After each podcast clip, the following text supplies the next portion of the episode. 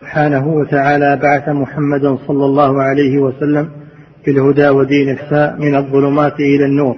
يخرج الناس من ظلمات الكفر والشرك إلى نور الإيمان والتوحيد والعلم. الجهل ظلمات ظلمات والإيمان نور والشرك ظلمات والتوحيد نور.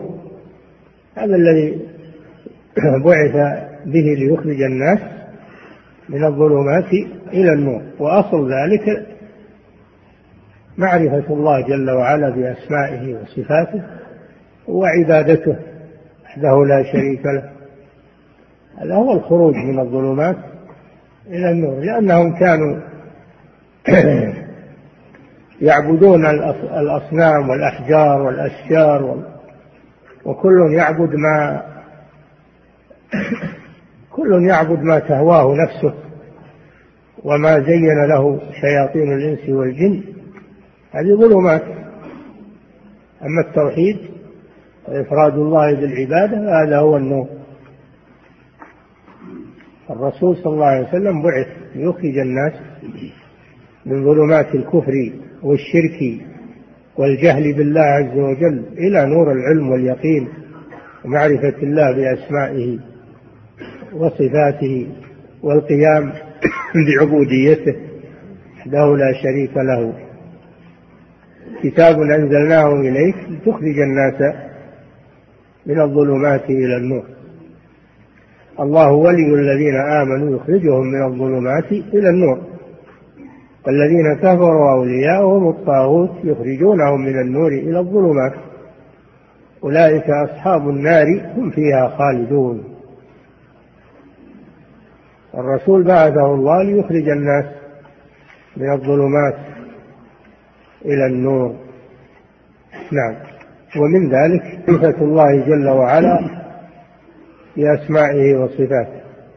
فإن الجهل بالله من الظلام من الظلمات والعلم بالله هو النور. نعم.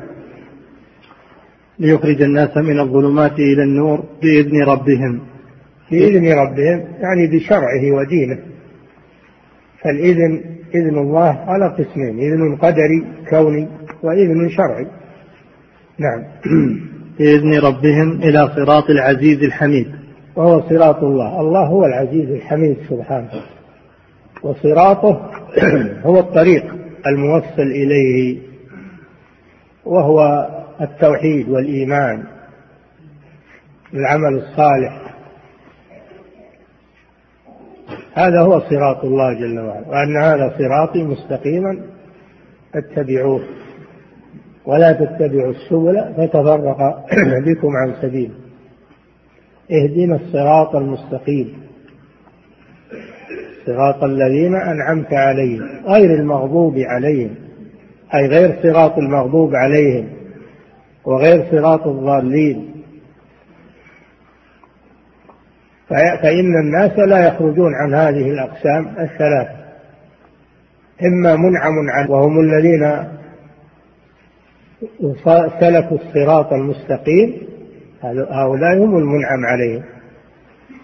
وإما مغضوب عليهم وهم الذين عرفوا العلم ولم يعملوا به واتبعوا أهواءهم وإما ضالون وهم الذين يعبدون الله على جهل ولا يعرفون العلم.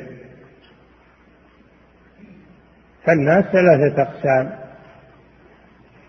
أهل العلم والعمل وهؤلاء هم أهل الصراط المستقيم.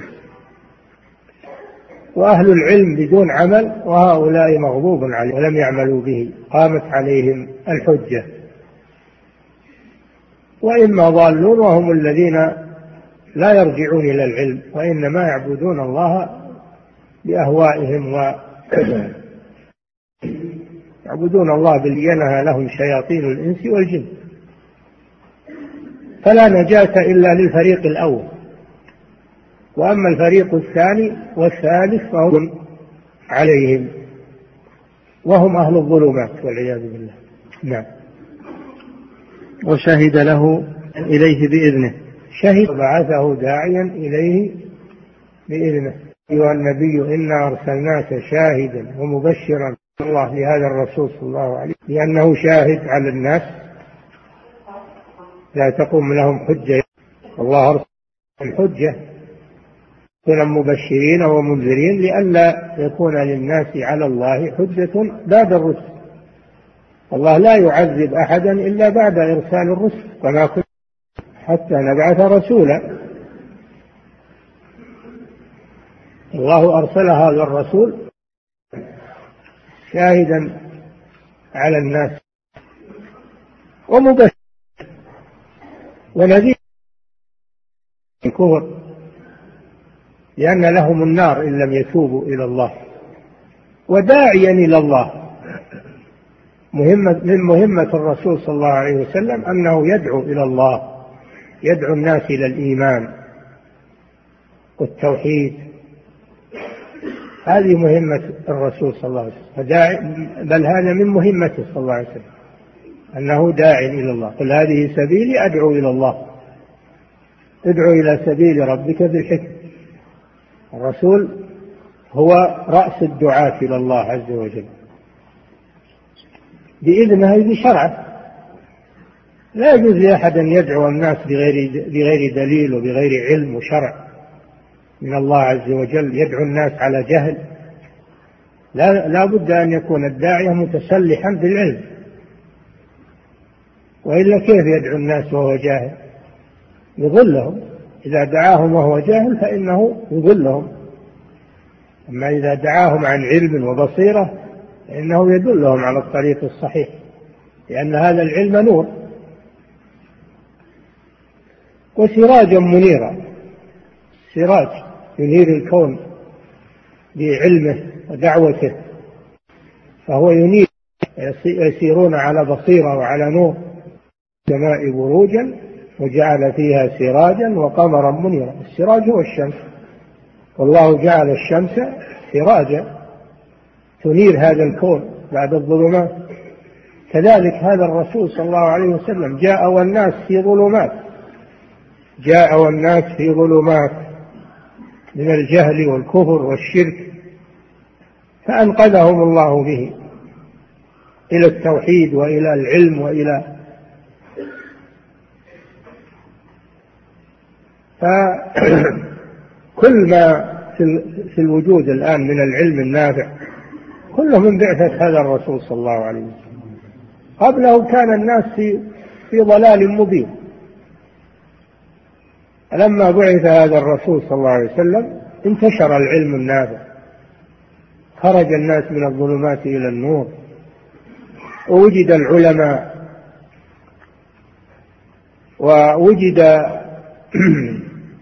في الناس العلم النافع كما هو معروف وموجود الآن ولله الحمد. الكتاب والسنة وكلام أهل العلم هذا نور من الله بأيدي الناس وحجة قائمة بأيدي الناس. قال صلى الله عليه وسلم تركتكم على البيضة لا يزيغ عنها إلا هالك. إني تارك فيكم ما إن تمسكتم به لن تضلوا بعدي. كتاب الله وسنته. من يعش منكم فسيرى اختلافا كثيرا. فعليكم بسنتي. سنة الخلفاء الراشدين المهديين من بعده. الرسول سراج أضاء الله به الكون بعد الظلمات. وكان الناس قبله في ضلال مبين كما قال تعالى هو كما قال سبحانه وتعالى هو الذي بعث في الأميين والأميون لأنهم ليس لهم كتاب. ما ما لهم كتاب قبل هذا القرآن. كتاب قبل هذا القرآن العظيم. الذي فاق الكتب الإلهية. وهو مهيمن عليها. لا يأتيه الباطل من بين يديه ولا من خلفه. تنزيل من حكيم حميد. بعث في الأميين. الذين لا يقرؤون ولا يكتبون. وليس عندهم كتاب منزل. وما آتيناهم من كتب يدرسونها وما أرسلنا إليهم قبلك من نذير. تنذر قوما ما أتاهم من نذير من قبل يعني العرب. فأصبحوا بعد الجهالة علماء يعلمون البشرية. وأصبحوا بعد أن كانوا مضطهدين وإلا فإنهم كانوا أضعف الناس قبل ذلك. نعم. شهد له بأنه بعثه داعيا إليه بإذنه وسراجا منيرا وأمره أن يقول هذه سبيلي أدعو إلى الله على بصيرة أنا ومن اتبعني. أمره الله جل وعلا أمر الله محمد صلى الله عليه وسلم أن يقول للعالم هذه سبيلي. قل هذه سبيلي أي طريقتي. هذه سبيلي أي طريقي. الذي يسير عليه. ما هي؟ أدعو إلى الله على بصير طريقة الرسول صلى الله عليه وسلم التي بعث بها أنه يدعو إلى الله. لا يدعو إلى نفسه أو إلى طمع دنيوي أو إلى رياسة. إنما يدعو إلى الله يخلص الدعوة لله. فهذا من شروط الدعوة إلى الله أن يكون أن تكون خالصة لوجه الله. لا يراد منها رياء ولا سمعة ولا ظهورا ولا تعاظما على الناس وإنما غرض الداعية نفع الناس وإنقاذهم من الظلمات. هذه الدعوة إلى الله.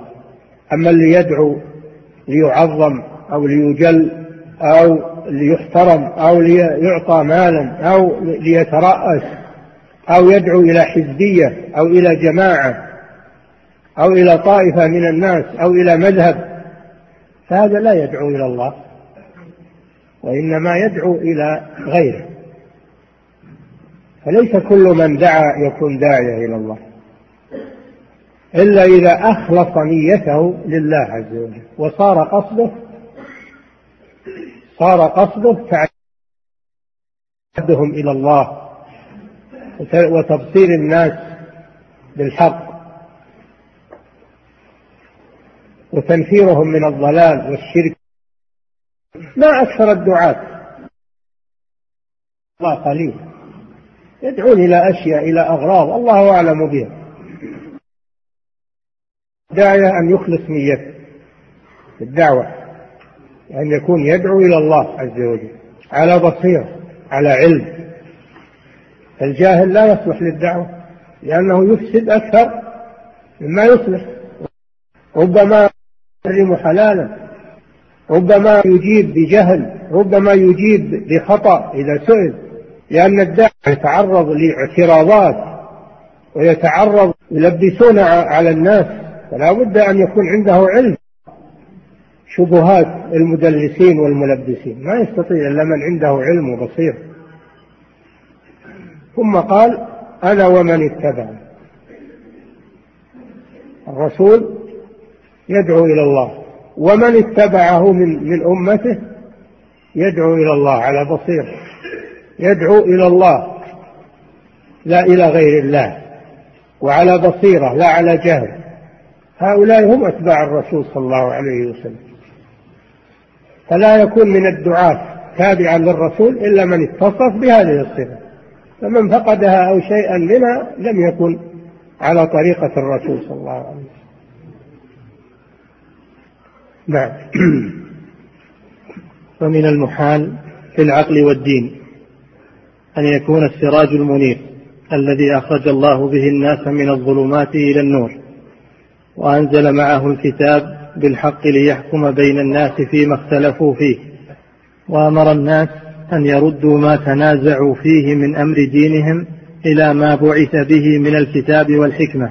من المحال من المحال يعني المستحيل أن هذا الرسول الذي هذه صفاته أن يترك هذا الباب باب الأسماء والصفات منغلقا لم يبينه للناس. ولم يوضحه للناس ويأتي من بعده حثالات من من الجهمية والمعتزلة وتلاميذه ويقولون هذه هذه النصوص نصوص الأسماء والصفات ليست على حقيقتها لا تعتقدوها هذه ضلال. هذا معنى تغليط للرسول صلى الله عليه وسلم. أنه جاء بما يضل الناس أو أنه كتم ولم يبين للناس. أنه كتم هذه المعاني التي تقولون هذه التفسيرات التي تقولون ولم يبينها للناس. الرسول لا يخلو إما أن يكون يجهل معاني هذه النصوص. هذا تجهيل للرسول صلى الله عليه وسلم وعلمتموها أنتم. وإما أن يكون علمها ولم يبينها فيكون كاتما للحق. وحاشاه من ذلك عليه الصلاة والسلام. إذا كان كذلك لم يكن سراجا منيرا. ولم يجئ ليخرج الناس من الظلمات إلى النور. بل جاء ليزيدهم ظلمات. وجاب لهم نصوص ما تفهم ولا تزيد الضلال ضلالا والعياذ بالله. هذا اتهام. جاهل وإما كاتم. من المحال في العقل والدين. في العقل حتى العقل. عقول العقول السليمة العقول السليمة تقول يستحيل في حق الرسول صلى الله عليه وسلم أن يترك هذا الباب ولم يبينه. وهو جاء للدعوة إلى الله ويترك أهم شيء ما, ما بينه للناس. الرسول أرسل للبيان. ونزلنا عليك الكتاب لتبين للناس ما نزل إليهم تبين للناس ما نزل إليهم معناه أنه ما بين للناس هذا الأمر. نعم. فمن المحال في العقل والدين والدين كذلك. من المحال في الدين وهو الشرع. نعم. أن يكون السراج المنير الذي أخرج الله به الناس من الظلمات إلى النور وأنزل معه الكتاب بالحق ليحكم بين الناس فيما اختلفوا فيه. نعم. ومن صفات الرسول أنه يحكم بين الناس فيما اختلفوا فيه يحكم بينهم بأي شيء؟ بالكتاب. وأن يحكم بينهم بما أنزل الله. ولا تتبع أهواءهم. لتحكم بين الناس بما أراك الله. إنا أنزلنا عليك الكتاب بالحق لتحكم بين الناس بما أراك الله. فهو يحكم بين الناس فيما اختلفوا فيه. ومن أعظم ما حصل الاختلاف فيه مسألة التوحيد. ومن ذلك الأسماء والصفات فهو حكم بين الناس وبين أن هذه الأسماء والصفات ثابتة لله عز وجل. نعم. وأمر الناس أن يردوا ما تنازعوا فيه من أمر دينهم إلى ما بعث به من الكتاب والحكمة. نعم. فإن تنازعتم في شيء فردوه إلى الله والرسول. إن كنتم تؤمنون بالله واليوم الآخر. ذلك خير وأحسن تأويلا. إن تنازعتم في شيء شيء كلمة نكرة في سياق الشرط تعم كل نزاع. تعم كل نزاع كبيرا كان أو صغيرا. وأعظم ما وقع فيه النزاع مسألة العقيدة. يجب أن يرد الحكم فيها إلى كتاب الله وسنة رسوله صلى الله عليه وسلم. ولا يرد الحكم فيها إلى قواعد المنطق وعلم الكلام وأفهام الناس الذين يقصرون الحكم بالشريعة على مسألة المنازعات في الأموال والخصومات ويهملون جانب العقيدة ولا يحكمون الكتاب والسنة في العقيدة هؤلاء ليسوا على شيء تركوا الأصل وأخذوا الفرع فقط. فأهم شيء يجب التحاكم فيه النزاع في أمر العقيدة. إذا اختلفنا في العقيدة نرجع إلى كتاب الله سنة رسوله صلى الله عليه وسلم. اختلفنا في الأسماء والصفات نرجع إلى كتاب الله. سنة رسوله صلى الله عليه وسلم. اختلفنا في أمور العبادة في أمور العبادة. هذا يقول هذه عبادة مشروعة وهذا يقول لا هذه بدعة ولا تجوز. ما الذي يحل النزاع؟ نرجع إلى كتاب الله. فإن كانت هذه العبادة في كتاب الله أو سنة رسول الله فهي صحيحة. وإن كانت خارجة عن كتاب الله وسنة رسوله فهي بدعة. من عمل عملا ليس عليه أمرنا فهو رد. وأعظم من ذلك الشرك وعبادة القبور. كثير من الذين يدعون الإسلام الآن يعبدون القبور يعبدون الأموات. يقولون هذا هو التوحيد وهذا من تعظيم الصالحين ومعرفة قدرهم. ونحن نقول لا هذا شرك. هذا شرك بالله عز وجل وعبادة لغير الله. وين نرجع؟ في نزاعنا هذا إلى كتاب الله سنة رسوله صلى الله عليه وسلم. الكتاب والسنة يشهدان على أن من عبد غير الله فهو مشرك. حيا كان أو ميتا شجرا كان أو حجرا أو ملكا أو نبيا أو صالحا. من عبد غير الله فلا تدعو مع الله أحدا. فلا تدعو مع الله أحدا. كائنا من كان. العبادة حق لله سبحانه وتعالى وهي التي خلق الخلق من أجلها. وما خلقت الجن والإنس إلا ليعبدون فهي حق الله على عباده. فإذا أخذت حق الله وأعطيته لغيره وعبدت غيره ماذا تكون؟ تكون مشركا كافرا. فيجب التنبه لهذا الأمر أن نرجع في نزاعاتنا وخصوماتنا واختلافاتنا كلها إلى كتاب الله. وأهم ذلك أمر العقيدة. نرجع في الخلاف فيها إلى كتاب الله وسنة رسوله صلى الله عليه وسلم. لا نرجع إلى رأي فلان وقول فلان وعقول الناس. نرجع إلى كتاب الله وسنة رسوله صلى الله عليه وسلم. ليس لنا طريق إلا هذا. الذي يدعونا إلى غير ذلك يدعونا إلى الضلال ويدعونا إلى يخرجنا من النور إلى الظلمات. كما قال تعالى والذين كفروا أولياؤهم الطاغوت. يخرجونهم من النور إلى الظلمات يخرجونهم من اتباع الكتاب والسنة إلى اتباع غيرهما. هذه ظلمات نعم. وأمر الناس أن يردوا ما تنازعوا فيه من أمر دينهم إلى ما بعث به من الكتاب والحكمة.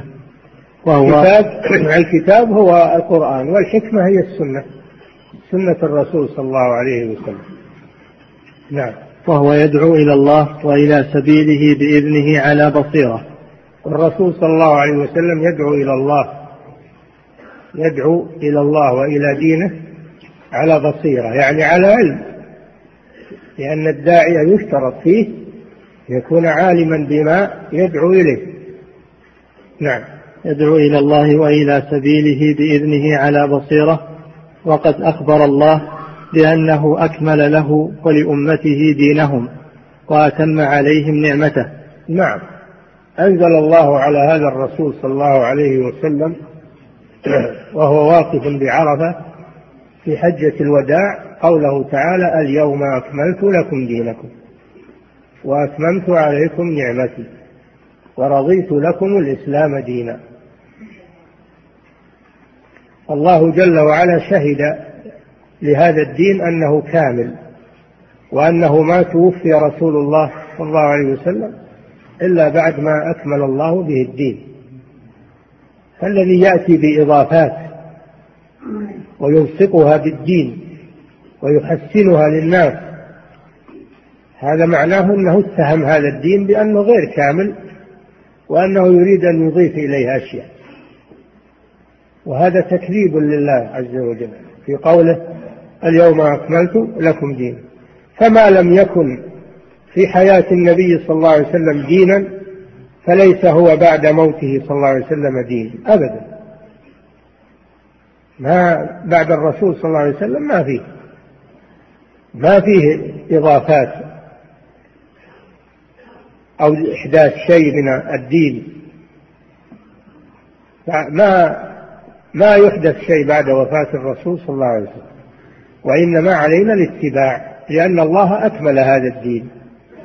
فليس بحاجة إلى نضيف إليه ونلصق به ما ليس منه ونقول هذه عبادة وهذا خير وهذا لا هذا شر وليس عبادة بل هو بدعة وضلال.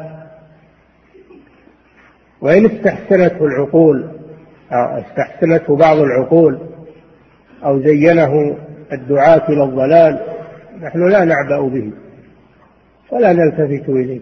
حسبنا ما في كتاب ربنا وسنة نبينا صلى الله عليه وسلم. لأن الله أكمل الدين قبل وفاة الرسول صلى الله عليه وسلم. فما لم يكن في وقت الرسول صلى الله عليه وسلم دينا لم يكن من بعده دينا كما قال الإمام مالك رحمه الله. نعم. محال مع هذا وغيره.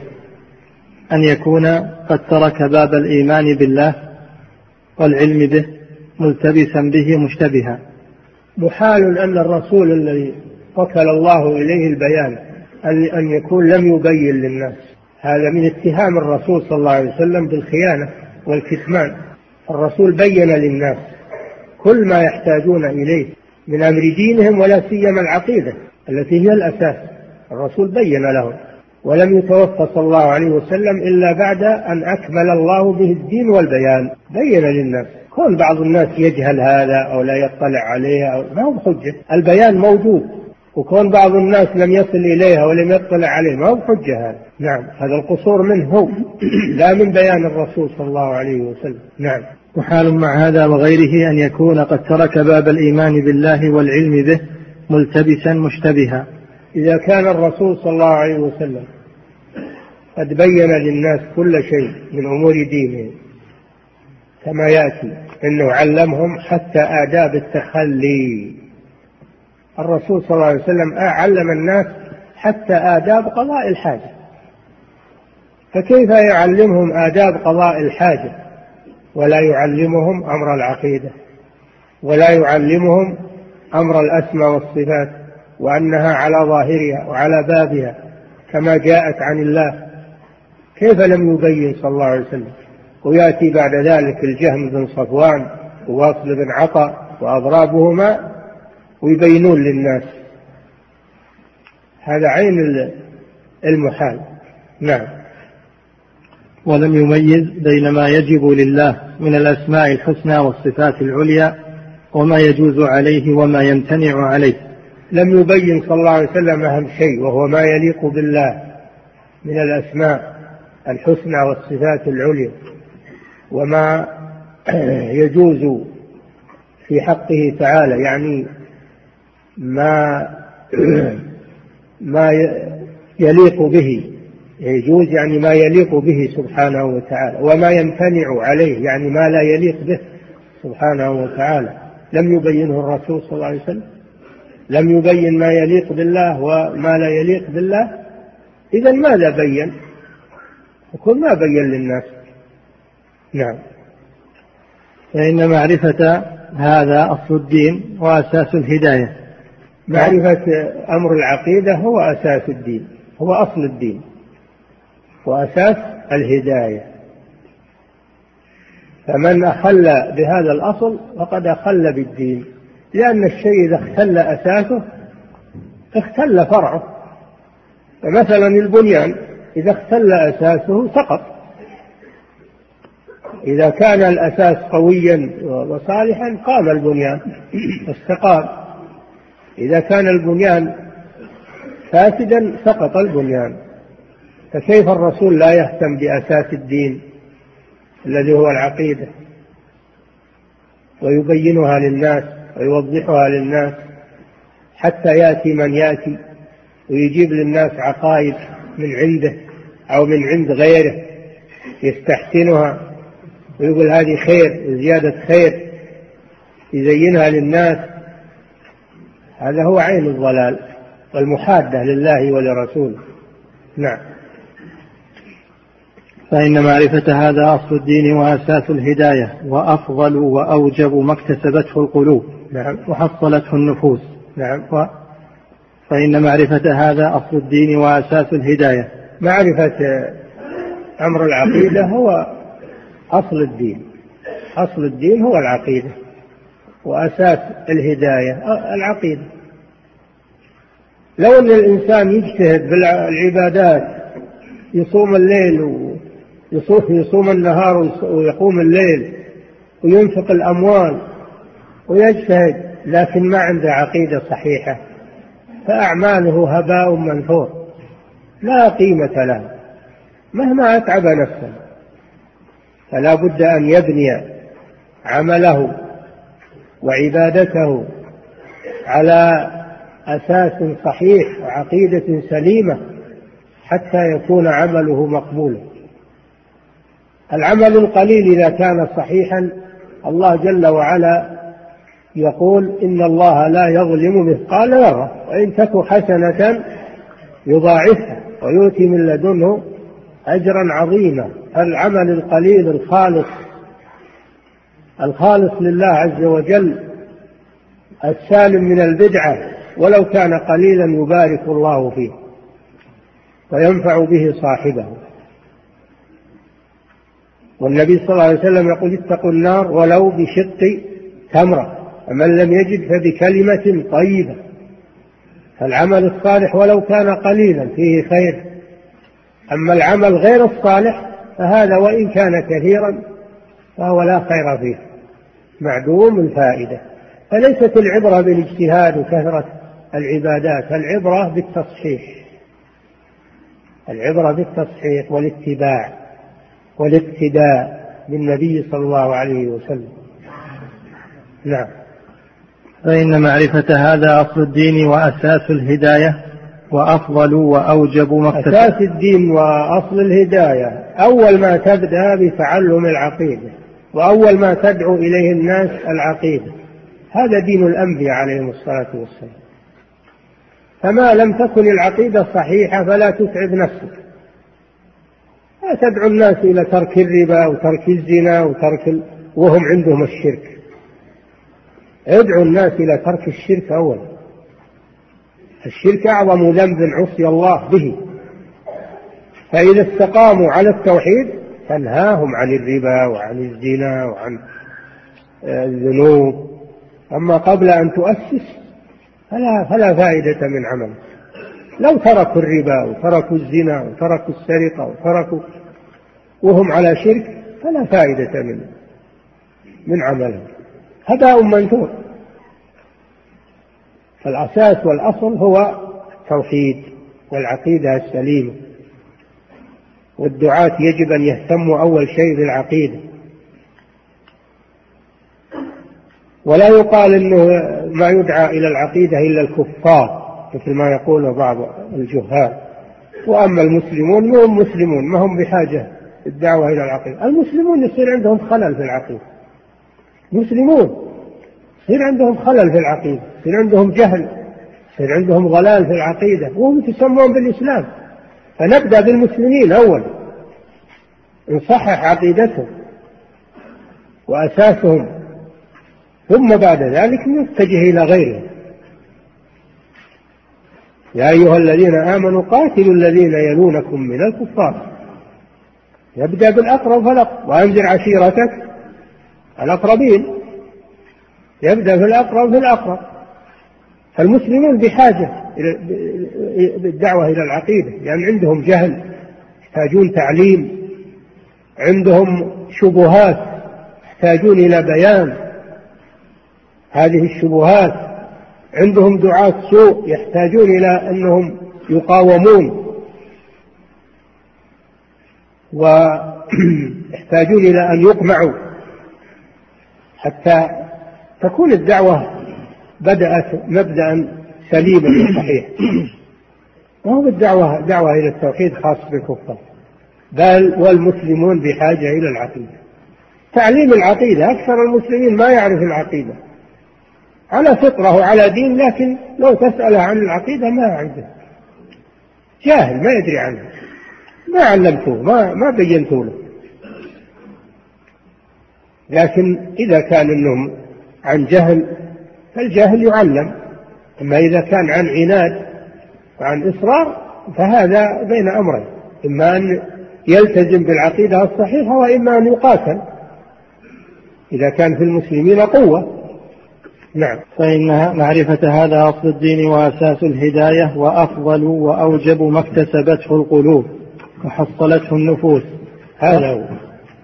أوجب وألزم ما اكتسبته القلوب حصلته النفوس هو تحقيق العقيدة. تحقيق العقيدة التي أصبح الكثير يجهلونها ويزهدون فيها ويقولون الناس كل أن المسلمون مسلمون خلاص. لا لا تناظرون عقيدتهم ولا تفرقون بين الناس. يا أخي ما إحنا بنفرق بين الناس. إحنا ندعو للاجتماع ندعو إلى إصلاح العقيدة. علشان نجتمع. إحنا والله ما ندعو إلى التفرقة ندعو إلى الاجتماع. والدعوة إلى العقيدة الصحيحة ليس دعوة إلى التفرقة كما يقولون. وإنما هو دعوة إلى الاجتماع على الحق لأن الكثرة بدون عقيدة ما ما فيها فائدة فلا بد من فلا بد من الاجتماع. نحن نحب الكثرة على على على العقيدة. شيء طيب. لكن إذا كانت الكثرة على غير عقيدة ما الفائدة؟ هباء منثور. فنحن نريد للناس الخير نريد لهم الاجتماع والألفة. ما نريد لهم الافتراق وكل يركب رأسه وكل يعتقد ما يشاء ونقول الناس أحرار في عقيدتهم. من اللي قال أن الناس أحرار؟ لو كان الناس أحرار ما بعث الله الرسل ولا أنزل الكتب. وصار كل ياخذ حريته. لكن الناس مأمورون بتوحيد الله وإفراده بالعبادة. وهذه هي الحرية. سبحان الله. الحرية في عبادة الله وحده لا شريك له. أما الرق فهو في عبادة غير الله. هذا هو الرق. كما قال الإمام ابن القيم هربوا من من الرق الذي خلقوا له فبلوا برق النفس والشيطان. الرق الذي خلقوا له هو عبادة الله وحده لا شريك له اللي فيها صلاحهم ونجاحهم وخيرهم. فلما تركوها ابتلوا بعبادة الشيطان وعبادة النفس وهذا الذلة والهوان. نعم. وأفضل وأوجب ما اكتسبته القلوب وحصلته النفوس وأدركته العقول. فكيف يكون؟ نعم. حصلته النفوس وأدركته العقول هو هذا. هو معرفة الله جل وعلا بأسمائه وصفاته وعبادته وحده لا شريك له. هذا إذا تم حصلت السعادة في الدنيا والآخرة واجتمعت القلوب وأتلفت النفوس كما قال تعالى هو الذي أيدك بنصره وبالمؤمنين. شوف قال بالمؤمنين ما قال بالناس. المؤمنين أيدك بنصره وبالمؤمنين. وألف بين قلوبهم ألف بين قلوبهم بأي شيء؟ بدراهم. ألف بين قلوبهم بالإيمان. بالإيمان هو اللي ألف بين قلوب الناس. وألف بين قلوبهم. لو أنفقت ما في الأرض جميعا ما ألفت بين قلوبهم. اللي ألف بين القلوب ليس هو الدراهم والدنانير. اللي يألف بين القلوب هو الإيمان والتوحيد والعقيدة الصحيحة. هذه اللي تؤلف بين القلوب. نعم. فكيف يكون ذلك الكتاب وذلك الرسول؟ هذه النتيجة؟ اللي سبق كله مقدمات. جاءت النتيجة الآن إذا كان الأمر كذلك فكيف؟ فكيف يكون ذلك الكتاب؟ وهو القرآن. وذلك الرسول؟ وذلك الرسول صلى الله عليه وسلم في سنته. وأفضل خلق الله بعد النبيين؟ وأفضل خلق الله بعد النبيين من هم؟ الصحابة رضي الله عنهم. هم أفضل خلق الله بعد النبيين. نعم. لم يحكموا هذا الباب اعتقادا وقولا. لم يعرفوا باب الأسماء والصفات. لم يعرفوه اعتقادا وقولا وعملا. هذا رد على الذين يتهمون الصحابة لأنهم لم يعرفوا معاني هذه الأسماء والصفات. وإنما الجهم بن صفوان وأضرابه هم الذين عرفوا معانيها وبينوها وكانت من قبل مغلقة لم يعرفها الناس وإنما يرددون كلاما لا يفهمون معناه. يا سبحان الله نعم. ومن المحال أيضا أن يكون النبي صلى الله عليه وسلم قد علم أمته كل شيء حتى الخراءة نعم حتى آداب التخلي حتى الخراءة يعني آداب التخلي. وقال لما قال بعض لما قال بعض الكفار أو بعض أهل الكتاب لبعض الصحابة نبيكم علمكم كل شيء حتى الخراءة قال نعم. أمرنا صلى الله عليه وسلم إذا أتينا الحاجة أن نعتمد على اليسرى وأن ننصب اليمنى وأن نستجمر بثلاثة أحجار وأن لا نستقبل القبلة ببول أو غائط نعم علمنا صلى الله عليه وسلم آداب التخلي. فكيف يترك باب العقيدة؟ لم يبينه. الذي هو أهم شيء. الرسول ما ترك شيء للناس فيه مصلحة في دينهم إلا بينه. عرف ذلك من عرفه وجهله من جهله. ما توفي الرسول صلى الله عليه وسلم. إلا بعد كمال الشرع وكمال البيان من الرسول كمال التشريع من الله وكمال البيان من الرسول صلى الله عليه وسلم. أما كون بعض الناس لم يطلع أو لم يعرف أو لم يرد هذا ليس حجة. البيان موجود وكونك ما عرفته وما اطلعت عليه أو ما تريد أن تطلع عليه يراجع الكلام. ما هو راجع للرسول صلى الله عليه وسلم. نعم. ومن المحال أن أيضا أن يكون النبي صلى الله عليه وسلم قد علم أمته كل شيء حتى القراءة وقال كيف يعلمهم آداب التخلي؟ ولا يعلمهم باب العقيدة. كيف يكون هذا من رسول بين لأمته كل شيء حتى آداب التخلي؟ ولم يبين لهم باب العقيدة حتى جاء هؤلاء وبينوها للناس. نعم. وقال تركتكم على المحجة البيضاء ليلها كنهارها لا يزيغ عنها بعدي إلا هالك. يعني في آخر عند وفاته قال صلى الله عليه وسلم تركتكم على المحجة يعني الجادة الجادة البيضاء النقية الواضحة لا يزيغ عنها بعدي إلا هالك.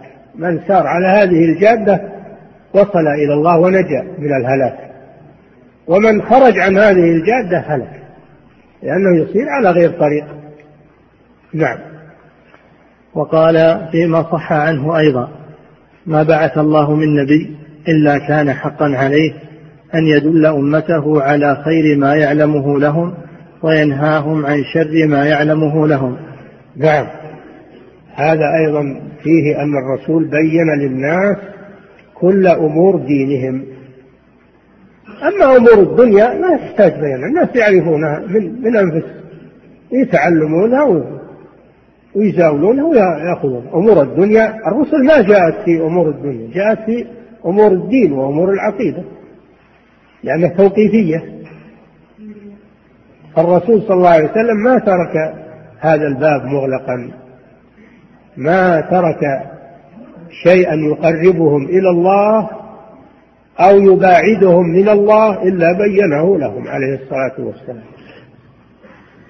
كما قال عليه الصلاة والسلام ما تركت ما بعث الله نبيا إلا كان حقا عليه أن يدل أمته على خير ما يعلمه له وينهاهم عن شر ما يعلمه له.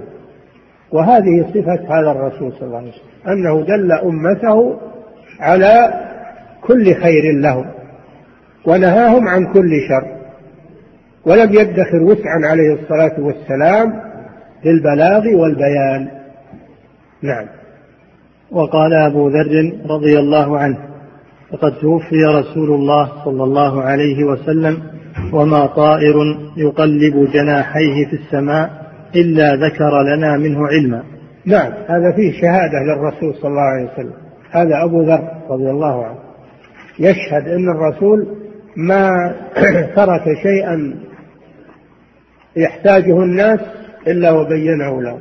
حتى الطيور في الجو بين لهم كيف آه، هذه الطيور وما فائدتها وما يحل منها وما لا يحل منها ما يحل أكله وما لا يحل أكله فكيف يترك باب التوحيد؟ لم يبينه.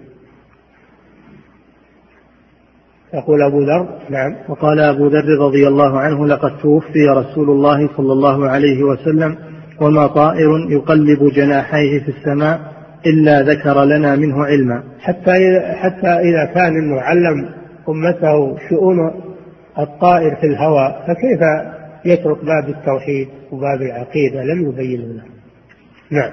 علمهم كل شيء حتى القراءة.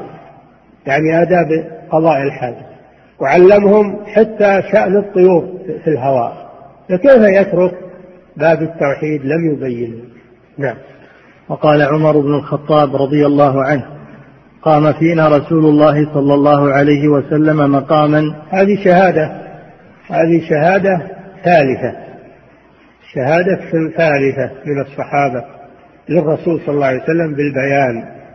هذه شهادة عمر بن الخطاب رضي الله عنه. نعم.